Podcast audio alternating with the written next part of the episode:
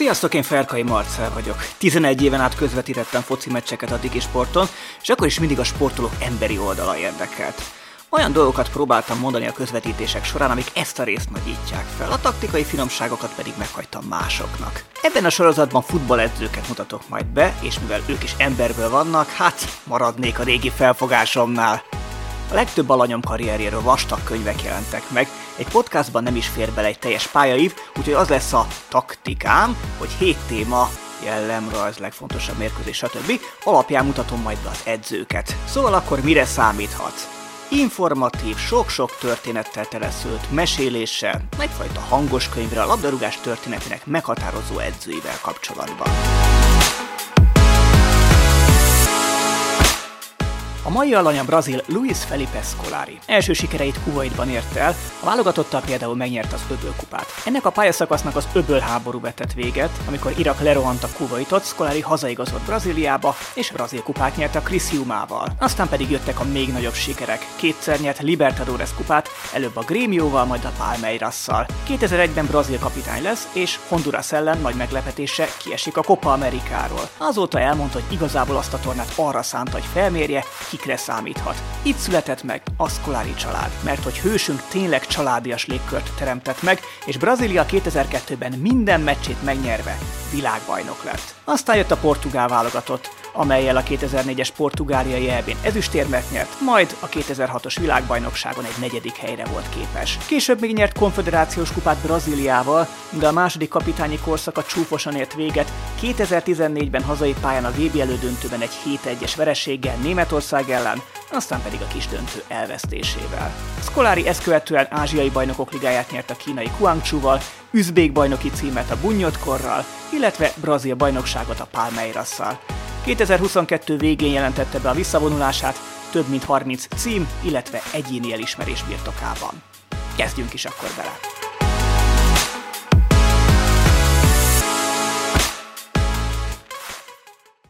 Kedvenc idézetem tőle. Hát ez bizarr lesz, mert hogy így szól.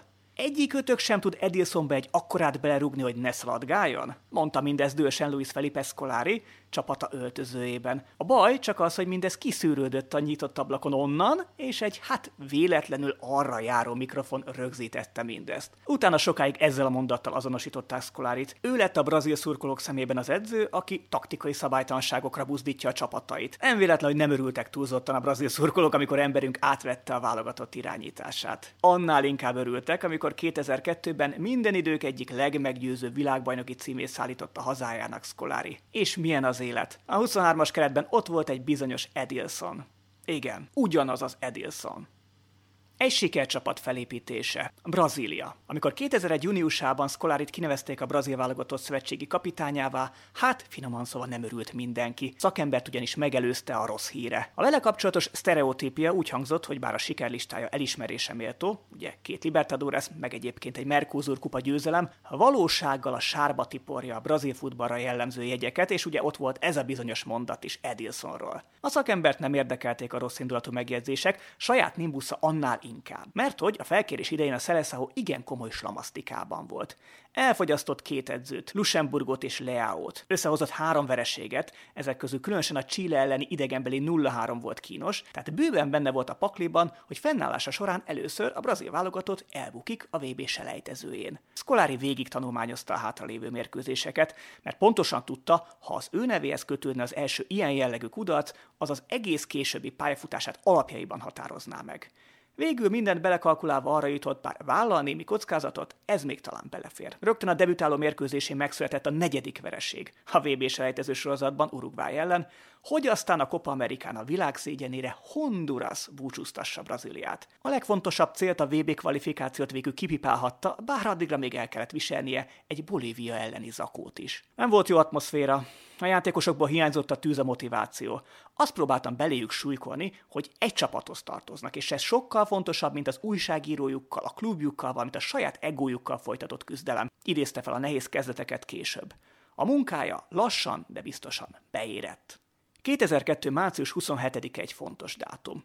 Ezen a napon Jugoszláviával játszott egy barátságos meccset Brazília, és ezen a meccsen, amit egyébként 1-0-ra megnyertek, két sztár is visszatért. Ronaldinho, illetve Ronaldo. Előbbi esete volt az egyszerűbb, ő a Grémio és a Paris Saint-Germain közti húzavona miatt nem kapott meghívót, ám csak néhány hónapról volt szó. Ezzel szemben Ronaldo súlyos sérülései miatt két és fél év után ölthette ismét magára a címeres mezt. Scolari utólag elárulta, azért válogatta be a fenomént, mert bízott az orvosokban, akik úgy vélték, ha mindent elkövetnek, akkor a VB kezdetére mintegy 70%-os erőállapotban lesz a csatár, és ez a szám a torna alatt jó eséllyel tovább nő. Nem utazhatott viszont a világbajnokságra egy másik nagyhírű támadó, Romário. Nem túlzás, Scolari egy egész nemzet akaratával ment szembe, amikor a veterán csatárt mellőzte, és pontosan tudta, ha nem szerepel jól a csapat, akkor ez a döntése olaj lesz a tűzre. Én tempós futballt akartam játszatni, úgyhogy mindenki kivegye a részét a csapatjátékból. Ebben nem illett bele Romário. Ha másféle játékstílust erőltettem volna, akkor könnyen lehet, hogy számolok vele. Ez volt utólag Felipao magyarázata. Egyébként az edzőt a hadrendje miatt is sok helyről támadták, mert egyöntetű volt a vélemény, hogy a 3-5-2 igencsak önveszélyes lehet. Három védőt korábban csak egy brazil kapitány alkalmazott, Lazzaroni 1990-ben, és az azévi VB-n a brazilok rettenetesen leszerepeltek. Közeledett az első VB mérkőzés Törökország ellen. A csapatkapitány Emersonnak az a remek ötlete támadt az egyik edzésen, hogy beáll a kapuba poénból. Egyébként ez gyakori a braziloknál. Amikor Magyarországra látogattak néhány évvel később, akkor is kijöttek a mezőnybe a kapusok edzésen. Dida lőtt is egy fantasztikus gólt, és hát ugye közben beálltak mezőnyjátékosok. Szóval a csapatkapitány Emerson beállt a kapuba, és sikerült olyan súlyos válsérülés szenvednie, hogy bukta az egész VB-t. Borzasztó volt, mondja utóbb Scolari. Sokkolóak voltak az esése utáni percek. Azt kérdeztem magamtól, most mit fogunk csinálni? Átbeszéltük a lehetőségeket, és felkértük Ricardinyót ő került be a keretbe. Az volt a legrosszabb negyed óra, amit a válogatottnál átéltem. Emerson volt az én kapitányom. Így viszont Kafu lett az. Bocsánat, hogy egy kicsit félbehagyom az adást, de talán maradtam annyit, hogy kérhessek is. Ha tetszik idáig a műsor, akkor kérlek, iratkozz fel azon a platformon, ahol a podcastot hallgatod. Így biztos, hogyha új adást teszek ki, akkor értesítést fogsz majd kapni róla.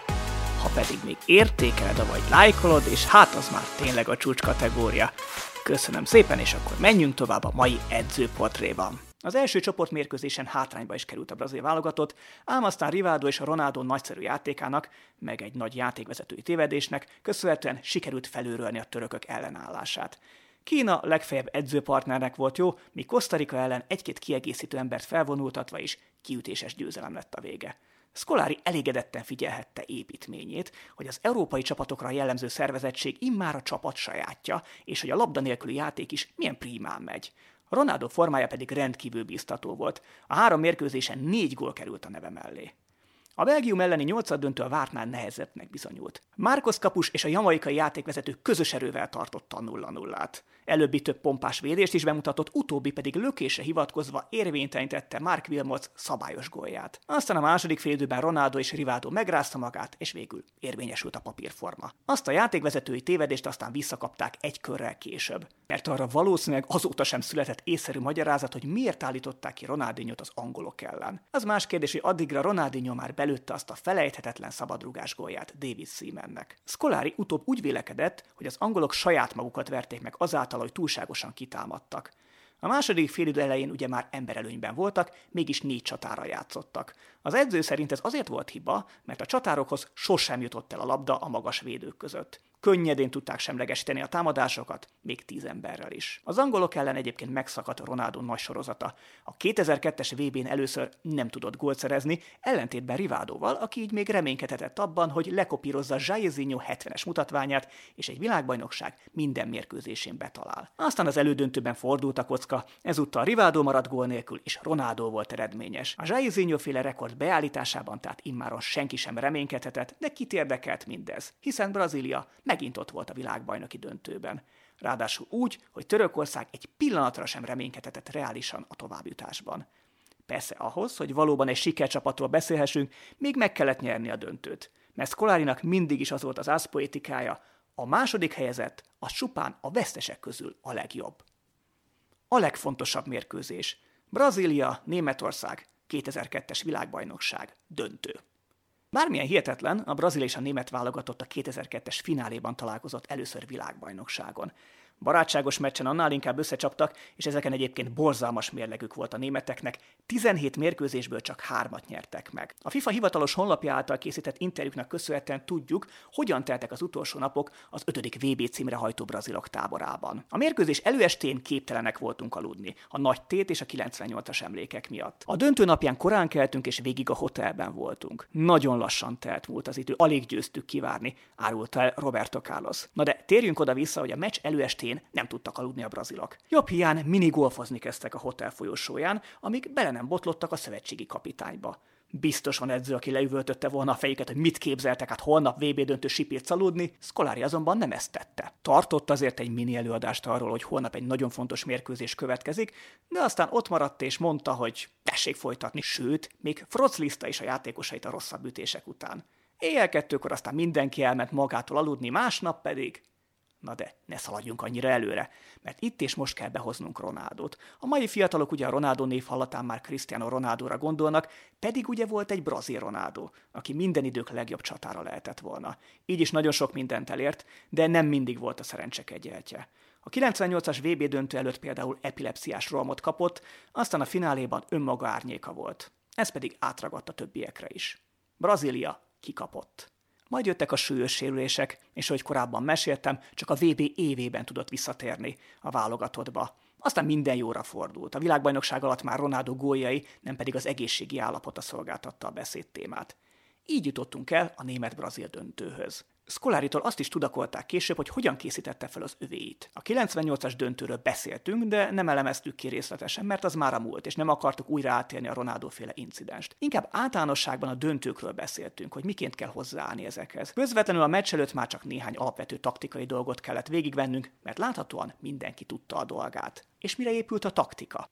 A játékosaim tudták, hogy ha szorosan védekeznek, jönni fog a gól. Lehet, hogy az első, az ötödik, a tizedik vagy éppen a tizenötödik percben, de valamikor jönni fog. Egy olyan csapat, amelyben ott van a Rivaldo, Ronaldo és Ronaldinho, legalább egy góra mindig képes. Itt tényleg az volt a legfontosabb, hogy a németeket ne engedjék helyzetbe kerülni. A szünetig aztán a németek birtokolták többet a labdát, viszont a braziloknak volt több helyzetük. Ronaldo három párharcot is elvesztett a német csodakapussal, Oliver Kahnnal szemben, Kleberson pedig a felső lécet találta el. Márkosznak a brazilok kapusának csak egy nővérbombánál kellett nyújtózkodnia. A második félidőben megszületett a gól, amelyel Scolari számolt. Rivádó erős, ám de középre menő, vagyis védhető lövése kipattant Kárról, Ronaldo pedig büntetett. És a fenomén volt az is, aki a 79. percben végleg eldöntötte a mérkőzést. A duplázó hőst a hajrában lehívta a pályáról Scolari, és beküldte Denilsont. Aztán az edző be akarta cserélni az akkor még pályája elején járó, későbbi aranylabdás kakát is, ám Collina, a játékvezető, lefújta a mérkőzést, még mielőtt beállhatott volna kaká. De több búsulni valójuk ezen az estén nem volt a braziloknak. Ronaldo ledöntötte a berlini falat, újongott az óglobó. Hát igen, és amennyire sajnálhattuk Oliver Kahn-t, annyira együtt örülhettünk Ronaldóval, aki visszakapott valamit a sorstól 1998-ért. A futballvilágnak mindörökké hálásnak kell lennie az ötszörös világbajnoknak ezért a győzelemért. Ez ugyanis a technikára, tehetségre és kreativitásra épülő brazil iskola sikere volt a merev csípőre, a küzdelemre, a fizikai erőre és csapatjátékra alapozó iskola felett. Ezt is az O Globo című brazil lap írta. Azért azt tegyük hozzá gyorsan a németek védelmében, hogy egybehangzó vélemények szerint ezen a találkozón játszottak a legjobban az egész világbajnokságon. Még a máskor mindig oly kritikus Günther Netze is azt mondta, erre a csapatra bizony büszke lehet Németország. Na de akkor mit mondjunk a brazilokra? Amikor Skolaritól azt tudakolták, hogy esetleg érdemese összevetni a csapatát a legendás 70-es Szeleszáóval, így felelt. Ha összesen öt rugott góllal nyertük volna meg a VB-t, nekem az is megfelelt volna. Tudom, hogy az emberek a szemkápráztató futball szeretik, de nem lehet mindig jól játszani. Szerintem a 2002-es brazil válogatott közel volt a tökéleteshez, de ha nem így lett volna és mégis nyerünk, akkor is boldog lettem volna. Ekkor már senki sem mondogatta, hogy a szabálytalanságokra buzdít, hogy megöli a szép játékot, és immár Romárió se követelték a csapatba. És milyen jó, hogy Scolari bízott az orvosokban, Ronaldo esetében. Jellemrajz. Az emberek alig tudják elképzelni, de laza ember vagyok, aki benne van minden csintevésben. Az edzéseken és a mérkőzéseken viszont át kell változnom komolyá, mert a munkát nem lehet félváról venni, mondta Scolari egyszer a Forfortúnak. Kemény fegyelmezésre egyébként már a Grémiónál szüksége volt. Paulo Nunez, aki egyébként mindkét Libertadores kupa győzte csapatának tagja volt, például este bulizós játékos hírében állt. De ott volt a kapus Darle is. Ő konkrétan verekedésekbe is keveredett nightclubokban, és kapus létére két piros lapot is kapott, mert megtámadta a játékvezetőt. Scolari mindkettejükből fegyelmezett játékos faragott, Darleit később Brazília legjobb kapusai között emlegették. Aztán, amikor Scolari távozott a klubtól, a kapus formája látványosan visszaesett. Soha többé nem tudott olyan színvonalon teljesíteni, mint Scolari irányításával taktikai fegyelem. Scolari legfontosabb példaképe egy Carlos Froner nevű ember volt, akinek még focista korában volt a játékosa. Később barátok is lettek, és Scolari csomó mindent átvett egykori edzőjétől. Hasonlóképpen szervezte meg a csapatai taktikáját, és hasonlóképpen készítette fel az együtteseit. Mindenkinek ki kellett vennie a részét a támadásból és a védekezésből is.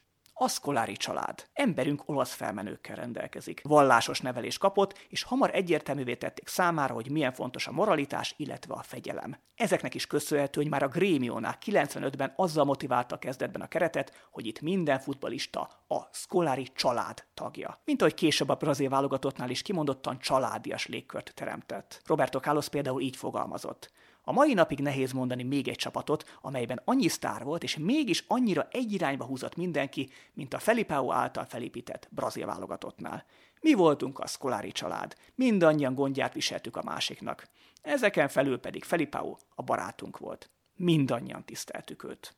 Jó csapatszellem. Ez is erőssége volt Szkolárnak, hogy jó csapatszellemet tudott építeni. Ez példázta például az első gól a világbajnoki döntőben, hiszen Ronaldóra egyébként egyáltalán nem volt jellemző, hogy megtámadna védőket és labdát lopna, itt pedig az történt, hogy ő szerelt, aztán Rivádóhoz passzolt, és végül is ebből született meg az első gól.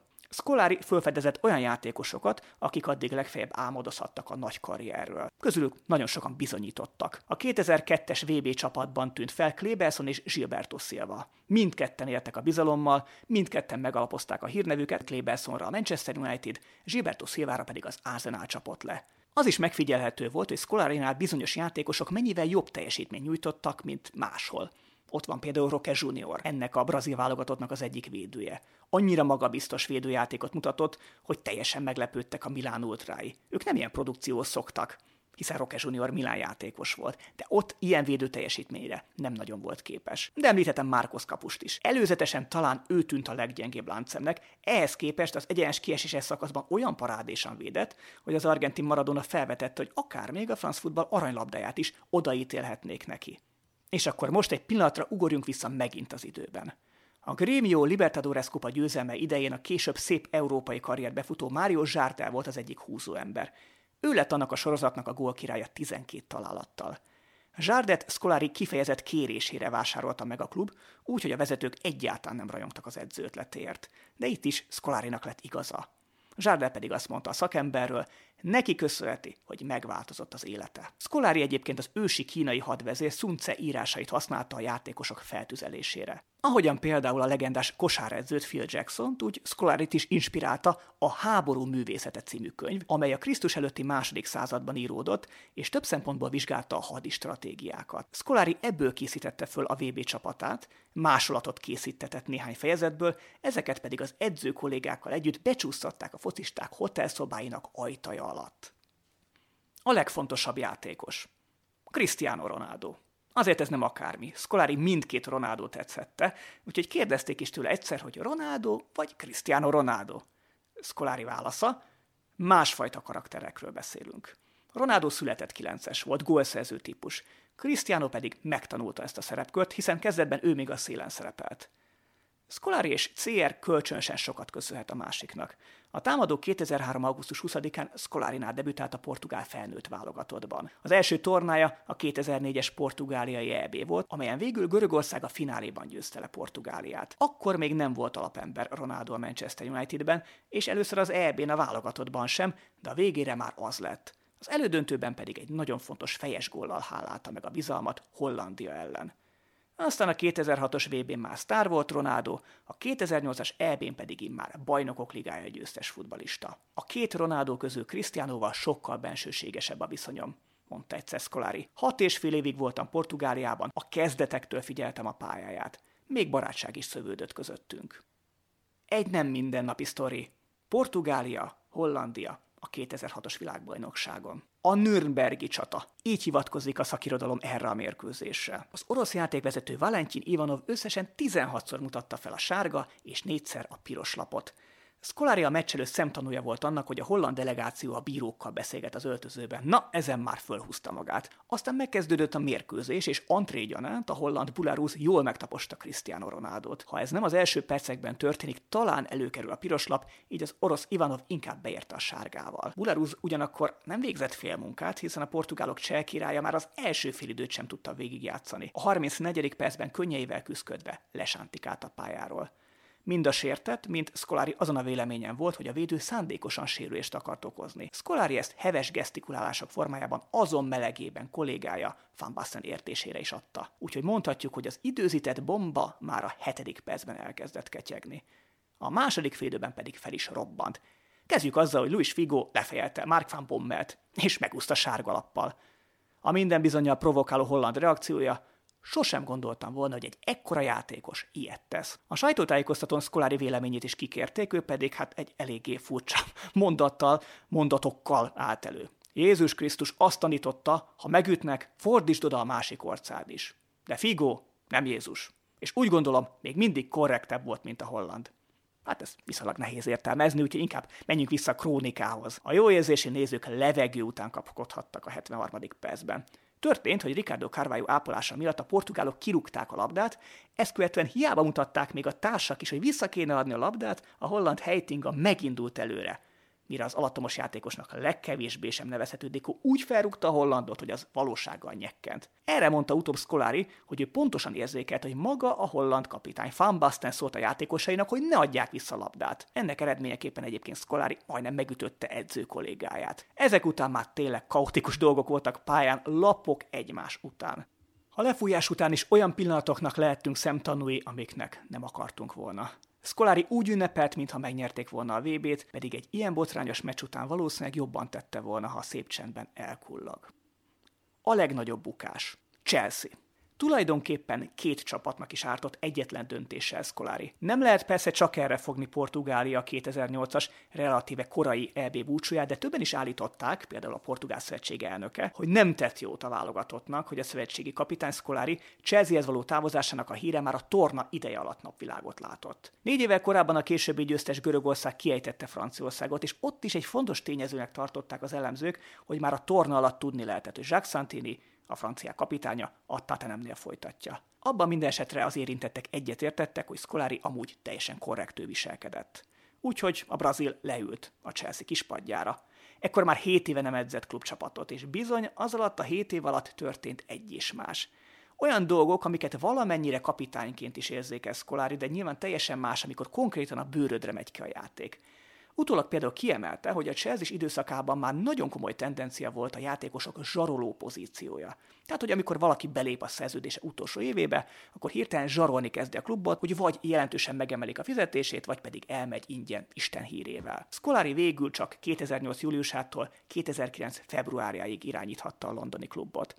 Azóta is úgy látja, jó munkát végzett. Próbálta szépen tervszerűen felépíteni a klubot, amelynél azonban, hogy ő mondja, nem voltak vevők a nagy változásokra. Az pedig különösen szembetűnő, hogy Didier Drogba mennyire lélektelen játékot mutatott Szkolárinál, és utána az utódnál Hüssidingnél mennyire kivirágzott. Erről a Drogba kérdésről azt mondta később Scolari, hogy a fő gond az elefántcsontparti térde volt. A csatár az előző szezont fájdalomcsillapítókkal a térdében játszotta végig. Scolari szerint normális esetben ilyenkor egy játékos megműteti a térdét nyáron, hogy minél kevesebb ideig kelljen nélkülözni őt. Ehelyett Drogba 2008 nyarát is szokásához híven Kánban töltötte, ami sokkal inkább a bulizásnak jó táptalaj, semmint a rehabilitációnak. Úgyhogy Scolari ezek után igencsak sokszor pihentette a rozogatérdű csatárt. Ami szintén problémát jelentett, az az angol nyelv. Annyira azért tudott angolul Scolari, hogy a játékosaival megértesse magát, viszont az újságírókkal való kommunikáció már nehezebben ment. Akkoriban pedig még nem volt divatban, hogy tolmás dolgozzon egy Premier League menedzser mellett, ez ugye később teljesen megszokottá vált, gondoljunk csak Bielsára vagy éppen Pochettinóra. Na és hogy a játékosokkal milyen volt a viszonya? Szerintem kívülről is lehetett nagyjából látni, hogy voltak, akik egész egyszerűen nem álltak be a sorba, gondoljuk csak Drogbára, de ezt egy interjúban maga a Scolari is visszaigazolta. Jó viszonyban voltam velük, de annyiféle karakter gyűjt össze az öltözőben, hogy nagyon sokféleképpen kellett hozzáállnom egyikhez másikhoz. Én megtettem minden tőlem telhetőt, volt akinek ez tetszett, és volt akinek nem. Akinek nem, azok azt csinálták, amit akartak. Semmit sem bánok. Szóval Scolarinak mindössze 7 hónap adatot meg a Chelsea-nél, de azóta is baráti a viszony. Akár Drogbával, akivel többször is találkozott azóta. De azt mondja, ha benéz esetleg korábbi munkaadójához, akkor is mindig nagyon szépen bánnak vele. És végül is, ez a legfontosabb. Ennyi fért a mai adásba. Ha tetszett, oszd meg a linkjét ismerőseiddel, hát ha másnak is érdekes lehet. És hadd hívjam fel a figyelmedet arra, hogy írtam egy e-bookot a foci VB döntők és a világbajnok válogatottak történetéről. Ha ez a műsor, ennek a műsornak a hangvétele tetszett, akkor jó eséllyel az is tetszhet. Beteszem a linkét a leírásba, nézd rá, hogyha gondolod, és még ingyen bele is olvashatsz ebbe a bizonyos e-könyvbe. Köszönöm a figyelmedet, szia!